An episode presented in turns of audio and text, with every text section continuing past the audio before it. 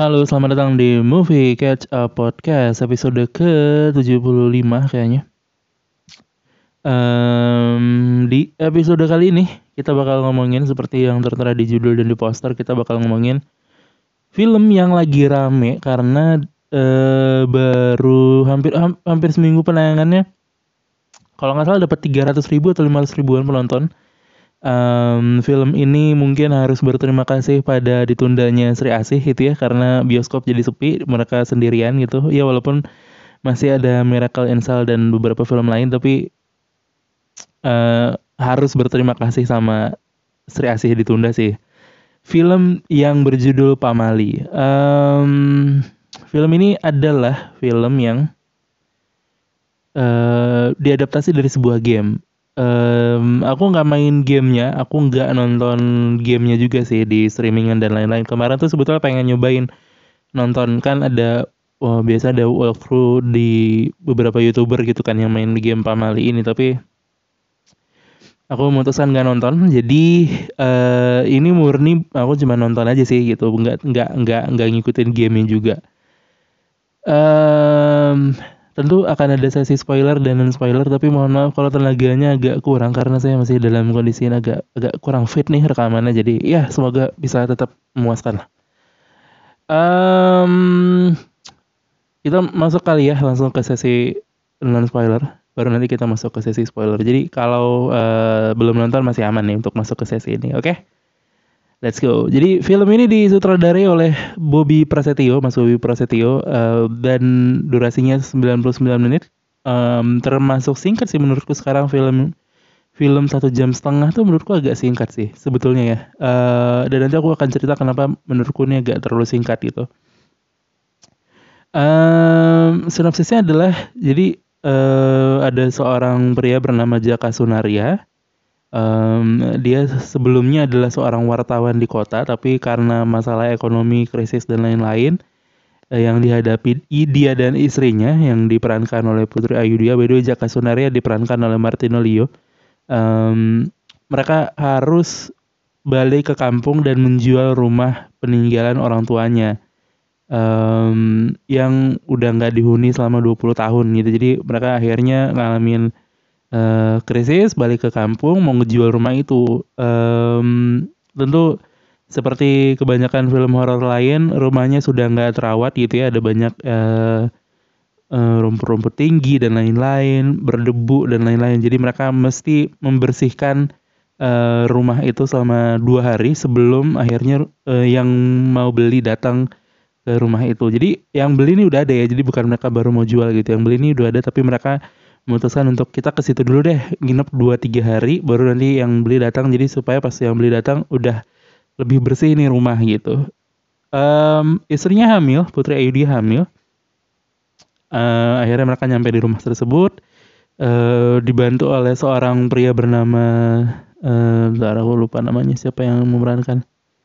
Uh, Cecep Fajar Nugrah jadi dia kayak dititipin rumah itu dan lain-lain gitu ya ya terus seperti film horor lain pokoknya ternyata baru terungkap lah bahwa um, ada masa lalu yang terjadi di rumah tersebut yang membuat rumahnya jadi uh, berhantu gitu dan itu ada hubungannya dengan pamali-pamali um, yang ada di uh, yang dilakukan oleh orang-orang yang sebelumnya ada di rumah tersebut gitu ya.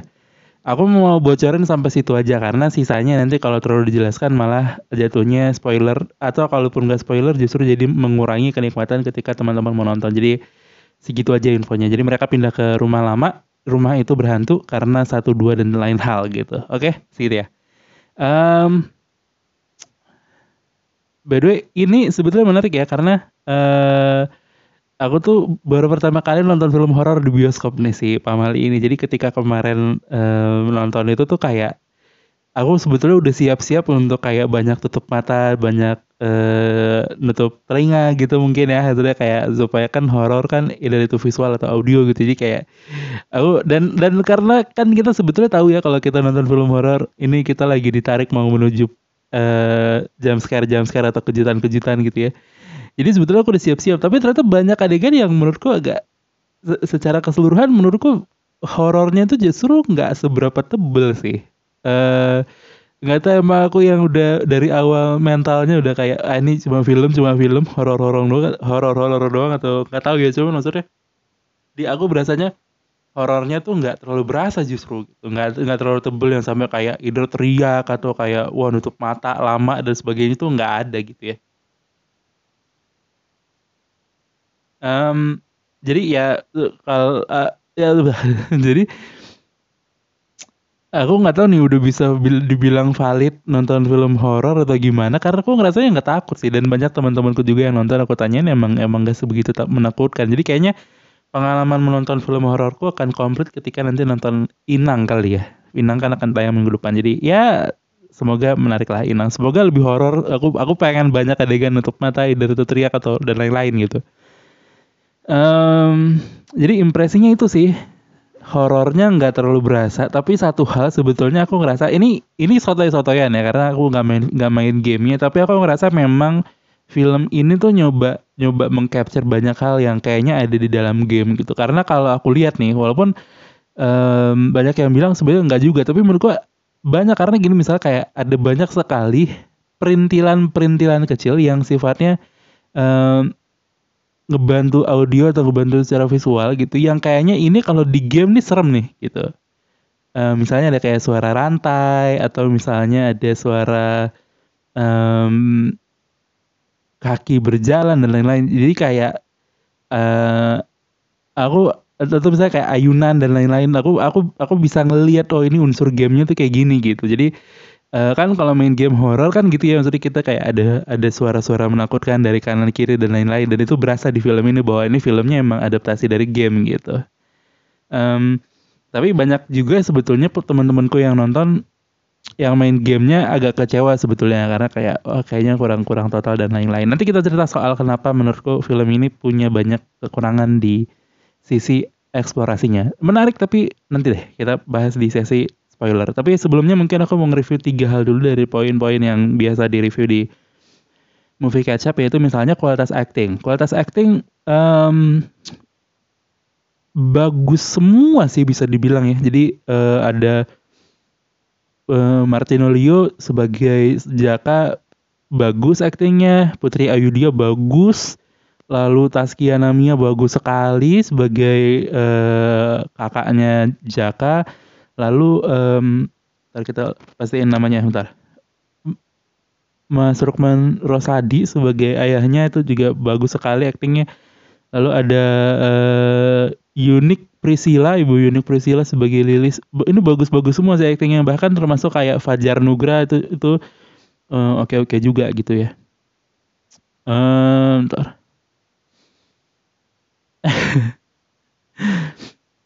Jadi secara kualitas acting bagus-bagus semua. Aku bisa bilang kayak ini kita believe nih film ini bahwa mereka mereka actingnya bagus-bagus delivernya gitu ya. Walaupun uh, ya ya nggak walaupun sih maksudnya ini top notch sih actingnya kayak tapi sayangnya kalau kita bandingin ke kualitas plot ceritanya agak mentah gitu. Jadi kayak kita udah udah semangat di dapetin aktor-aktor yang oke okay, Martino Leo Putri Ayudhya Taskia Namia gitu ya si trio ini.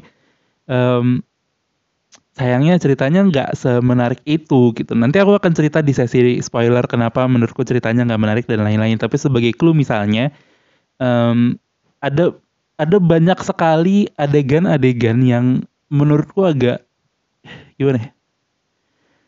Aku ngerti sih ini film horor, tapi kok banyak sekali adegan-adegan yang kayaknya kurang logis aja gitu. Dan itu itu dimaksudkan hanya untuk masukin hororannya gitu. Jadi kayak adegan-adegan khas film horor yang biasanya itu sih kayak masukin hal-hal yang kayaknya manusia normal nggak berpikir gitu deh cara menyelesaikan masalahnya gitu ya. Ya tapi tapi ya itu itu kekocakannya sih.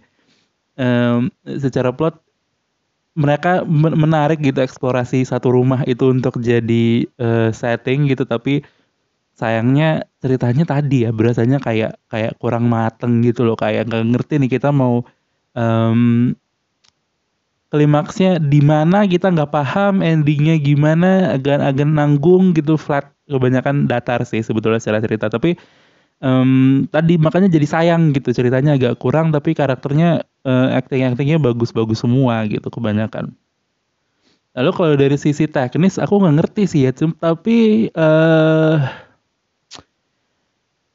Iya nggak ngerti ya karena aku nggak banyak nonton film horor tapi menurutku uh, menarik sih. Maksudnya ngambil ngambil ngambil uh, adegan-adegannya. Ada adegan terbang ada adegan um, kemasukan uh, ada adegan uh, mereka kayak kayak dikejar-kejar gitu. Jadi kayak di satu rumah mereka dikejar ke kanan ke kiri dan lain-lain. Itu banyak teknik-teknik yang menarik dan banyak shot-shot yang oke okay juga sebetulnya. Tapi ya um, tadi sih sebetulnya kalau ditarik kesimpulannya secara uh, keseluruhan filmnya acting dan settingnya dan dan teknisnya oke okay, tapi sayangnya kekurangannya banyak di ceritanya sih nanti kita cerita di sesi spoiler jadi abis ini Aku akan cerita beberapa hal di sesi spoiler. Jadi kalau pada belum nonton, silahkan nonton dulu. Kalau pada mau nonton ya, kalau yang masih ada di bioskopnya silahkan ditonton dulu.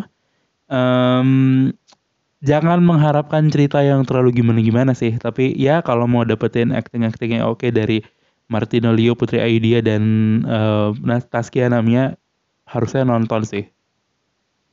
Um, itu aja kita masuk ke sesi spoiler. Kalau nggak nyaman dengan spoiler jangan dilanjut, lanjut nonton dulu baru nanti balik lagi ke sini. Tapi kalau nyaman dengan spoiler silahkan dilanjut dulu mendengarkan episode kali ini. Ntar ya jeda minum dulu. Oke, mari kita lanjut. Nih mohon maaf kalau suaranya lebih uh, berisik karena saya di luar nih. Rekamannya nggak di kamar jadi ya semoga masih aman. Oke, jadi ini adalah sesi non spoiler ngomongin soal film Pamali. Um, ada beberapa catatan yang seru-seru sebetulnya yang pengen aku obrolin.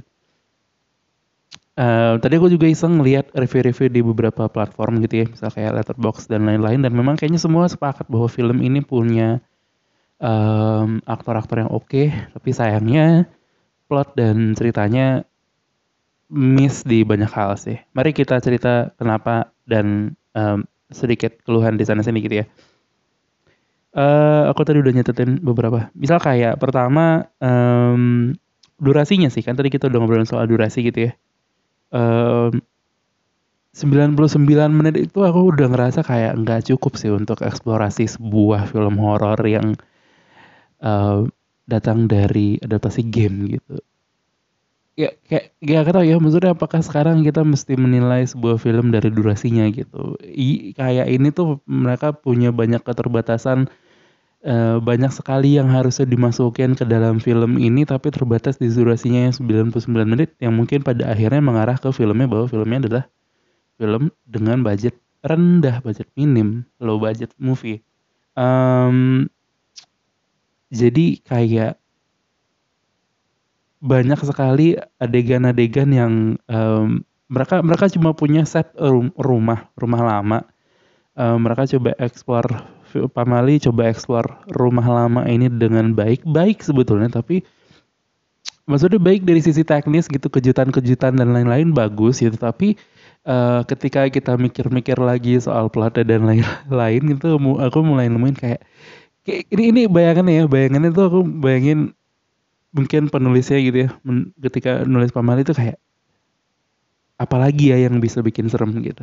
Kayak masukin ini ya masukin ini ya masukin ini ya masukin ini ya gitu. Tapi tapi nggak dipikirin logikanya gitu. Aku gak ngerti ya maksudnya bukan pengen judgement kayak wah logikanya kurang. Enggak tapi maksudnya banyak sekali adik aku kesel banget tuh. Kan mereka kan tiga hari ya di rumah itu ya. Uh, di di rumah um, peninggalan orang tuanya gitu ya. Dan mereka tuh banyak sekali adegan-adegan yang kayaknya nggak perlu deh adegan itu. Tapi kenapa masuk ya misalnya kayak um, di hari terakhir gitu ya mereka kan udah sadar bahwa rumah ini punya masalah ada arwah yang mengentayangi dan lain-lain gitu ya bukannya tidur aja bangun pagi gitu selesai gitu ya. Maksudnya itu logikanya lucu aja sih. Bangun pagi selesai udah mereka kabur gitu.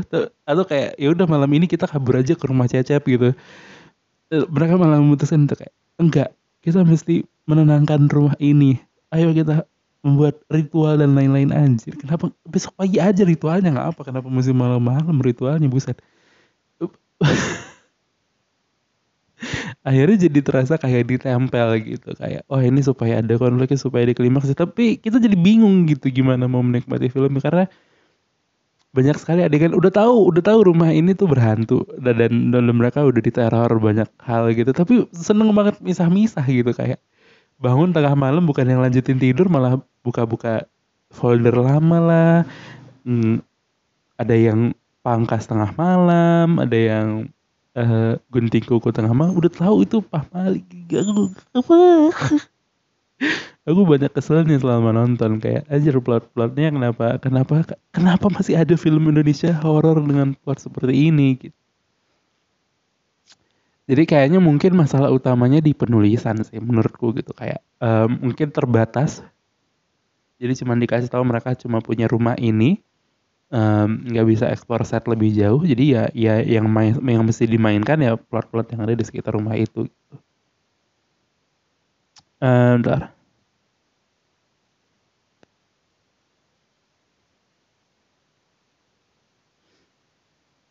Jadi terasa sekali low budgetnya sebetulnya. Terasa terasa sekali low budgetnya karena itu gitu. Di satu sisi eksplorasinya oke, okay, tapi jadi bingung kayak kayak kayak konflik itu kayak dimasuk masukin kata ya mungkin mungkin masalah di penulisan sih. Um, sedikit lagi soal Pamali. Ya acting actingnya menurutku bagus sih dan dan komedi gitu ya komedi yang masuk ke film ini lewat Fajar Nugra gitu. Um, menurutku menarik sekali sih pas gitu porsinya ya tapi walaupun diulang-ulang agak-agak diulang-ulang agak repetitif cuman um, masih kena sih menurutku di aku sih masih kena. Dan uh, waktu itu penontonnya untungnya penonton di pas penonton itu tuh asik-asik jadi kayak seru gitu kita kita enjoy enjoy uh, komedinya gitu. Fajar Nugra sih bisa dibilang salah satu scene stealer ya. Um, dan film ini kan sebetulnya ngomongin soal pamali, pamali yang terjadi di uh, masa lalu gitu ya, yang yang sebenarnya dikonekin ke masa ini sekarang kan. Tapi uh, justru fokusnya malah ke pembahasan dendam uh, Mbak Denden tadi ya gitu, yang yang yang justru bikin jadi kayak loh kok kok fokusnya bukan ke pamali ini, pamali ini asalnya dari mana, apa yang membuat ini menjadi pamali dan lain-lain, apa efeknya dan lain-lain tuh kayak kurang dibahas gitu. Sementara judulnya sendiri pamali gitu. Sementara kita kita justru dapetin konflik keluarga gitu di sini. Um, ada plot twist tipis-tipis di akhir yang mana dia cukup sebetulnya agak-agak guna juga sih tapi ya tahu mungkin untuk membantu motifnya juga um, banyak sekali adegan-adegan Taskia Namia yang bagus sih. Uh, mungkin bisa dibilang at the end of the day ini film soal eh, lagi-lagi ditinggalkan dan ditinggalkan itu sulit sekali untuk diterima gitu kan. Ini ceritanya soal si um, Mbak Denden ya. Namanya siapa sih? Bukan bukan Mbak deh kalau salah manggilannya. Sampai lupa loh saya. Ntar kita coba cek. Uh, namanya bukan Mbak Denden Nenden nomor Denden uh, Nenden Sonario ini kan kakaknya Jaka gitu ya dan dia kan kehilangan suaminya pada saat dia sedang hamil suaminya tentara tentara lalu meninggal di medan perang gitu ya terus dia mesti bertahan sendiri dia nggak bisa uh, kembali dari kesedihan yang sangat dalam itu dan ini ini sebetulnya kalau kalau ditarik mungkin pesannya lebih ke arah sana bahwa ya memang um, orang tua dan lain-lain sangat-sangat berperan dalam penerimaan um, kesedihan seseorang gitu. Aku justru fokusnya ke sana sih. Jaka dan istrinya tuh justru jadi kayak gak terlalu penting perannya padahal sebetulnya itu udah menarik tuh. Jadi di awal-awal kan ada adegan um, Taskia Namia di masa lalu ngelakuin banyak pamali lalu ditarik ke masa depan. Putri Ayu dia juga ngelakuin kan. Aku aku merasa bahwa ini tuh harusnya efeknya jauh lebih besar gitu. Pak Mali ini apa dan lain-lain tuh mesti dijelaskan. Dan mungkin peran potensial untuk nyampein ini tuh ada di neneknya Fajar Nugra ya. Neneknya Fajar Nugra yang yang dari awal kemunculannya sebetulnya udah udah udah bikin penasaran gitu. Um, tapi sayangnya perannya sangat singkat sih dan dan justru membingungkan pada akhirnya gitu ya. Um, jadi judulnya pamali tapi fokusnya justru bukan ke pamalinya justru ke dendam ke kehilangan dan lain-lain gitu. Um, adegan paling menarik men mungkin men ah ya adegan paling menakutkan menurutku sih ini adegan bunuh diri ya itu itu gila sih adegannya. Wah itu itu wah gila sih. Uh, jadi ada adegan si nendennya gitu kan dia naik ke atas pohon.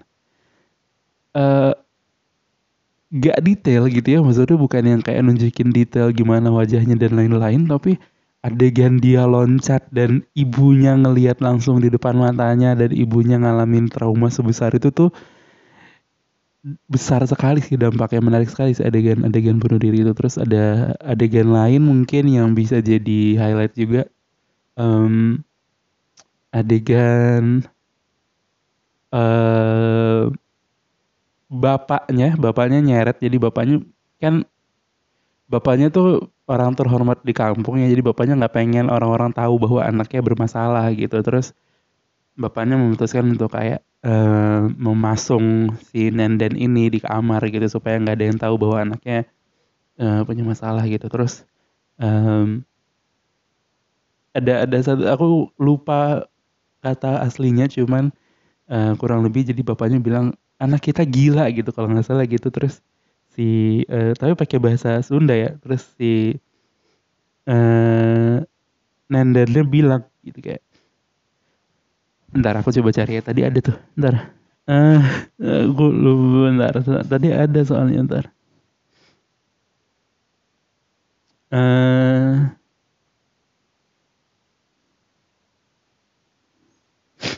Bentar ya. Ada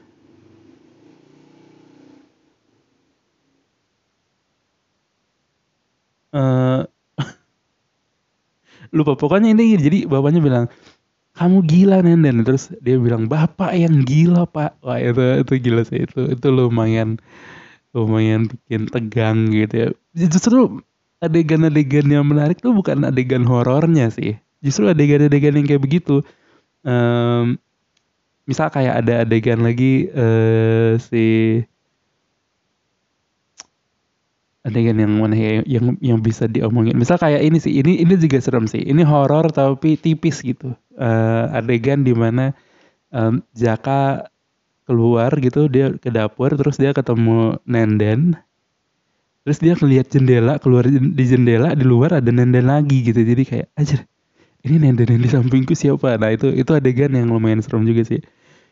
Dan banyak adegan-adegan lain yang yang kayak begitu. Justru bukan adegan major horror yang kayak gimana menakutkan. Justru enggak karena ya enggak enggak powerful si horornya bahkan aku sendiri yang penakut pun masih bisa enjoy menikmati filmnya tanpa perlu teriak-teriak ataupun kayak nutup mata berlebihan gitu. Jadi ya sayangnya filmnya punya punya punya um, budget yang oke okay untuk hire aktor-aktor dan aktris-aktris yang oke okay gitu ya. Tapi punya kekurangan di penulisan sih. Sayangnya ya penulisan dan mungkin pengambilan gambarnya juga. Tapi e, banyak yang apresiasi juga soal filmnya me, me, mereplika setting rumah di gamenya itu dengan baik sih. Itu itu juga salah satu yang oke okay sih. Uh, iya sayangnya ini sih ya mungkin kalau kalau ditanya apalagi yang bisa di uh, jadi jadi kesimpulan dari review ini filmnya uh, terasa kebingungan gitu. Jadi sebagai kesimpulan film penulis filmnya terasa kebingungan mau mau naro uh, konfliknya ke arah mana dan ngarahin klimaksnya ke arah mana. Jadi kita yang nonton pun bingung ini udah klimaks belum sih ini udah gimana sih ini kok jadi kayak begini dan lain-lain gitu. Tapi um, at the end of the day datar sih flat flat sayangnya. Agak serem sebetulnya nge-review film-film kayak begini karena uh, Saranjana kan bentar lagi mau rilis itu ya mungkin kayak Februari atau Maret gitu ya tapi kayak eh, kalau nanti orang bilang bilang, Audi nge-review jelek filmnya sendiri jelek gimana ya? Aku apakah bisa tahan dengan ocehan-ocehan seperti itu? Ya ya lihat nanti lah. Tapi sebagai penutup kalau pada menonton sih sebetulnya nonton-nonton aja seru-seru aja tapi jangan berharap sesuatu yang terlalu bagus. Mungkin bisa dibilang ini kayak horror B movie kali ya. Uh, bahwa dia dapat 490 ribu di hampir seminggu penayangannya mungkin karena Sri Asih sih. Aku aku bisa bilang karena Sri Asih sih. Sri Asih mundur tuh ngasih banyak space buat pamali promosi dan lain-lain. Dan um, tambahan lagi di akhir satu yang menarik kan sebetulnya Inaima ya. Um, Inaima kan kemarin sempat rame dengan kasusnya di Twitter dan lain-lain gitu ya. Tapi di film ini aku pikir karakternya akan penting. Aku tuh nungguin karena sebetulnya aku termasuk salah satu yang ngikutin live streamnya kan. Jadi kayak ngikutin nungguin nih Inaima muncul di mana ya muncul di mana. Ternyata uh, perannya ada di akhir jadi pembeli rumah itu nggak tahu ya apakah mungkin akan jadi uh, sequel atau gimana nggak ngerti. Tapi ya semoga uh, filmnya lebih banyak lakunya sampai mungkin sejutaan nggak tahu. Sebelum nanti uh, minggu ini akan ada Inang dan ada kalian pantas mati. Aku kemungkinan kemungkinan aku akan nonton dua-duanya sih. Kemungkinan. Jadi uh, di bulan Oktober kemungkinan kalau nonton dua-duanya aku jadi nonton tiga film horor. Uh, kita akan pertimbangkan yang mana yang lebih horor dari yang lain. Karena bagus-bagus sih katanya ya si kalian pantas mati sama Inang. Jadi tungguin aja. Terima kasih sudah mendengarkan episode movie up. Sampai jumpa di episode-episode berikutnya. Mohon maaf kalau kurang optimal karena saya lagi kurang enak badan nih. Saya banyak sakit nih sekarang. Uh, terima kasih. Sampai jumpa di episode-episode berikutnya. Jangan lupa di follow Instagramnya di @audi underscore harap dan di @movie catch up. Dan jangan lupa kalau mau uh, bantu bayarin platform streaming atau mau beliin tiket nonton bisa sawer ke at sawer ke uh, saweria.co slash audiharap. Oke, terima kasih. Sampai jumpa di episode berikutnya. Mungkin aku bakal bahas jagat arwah atau um, ngeri-ngeri sedap. Aku nonton dua itu soalnya. Jadi ditunggu, ditunggu teman-teman. Terima kasih. Bye-bye. Yuk, go.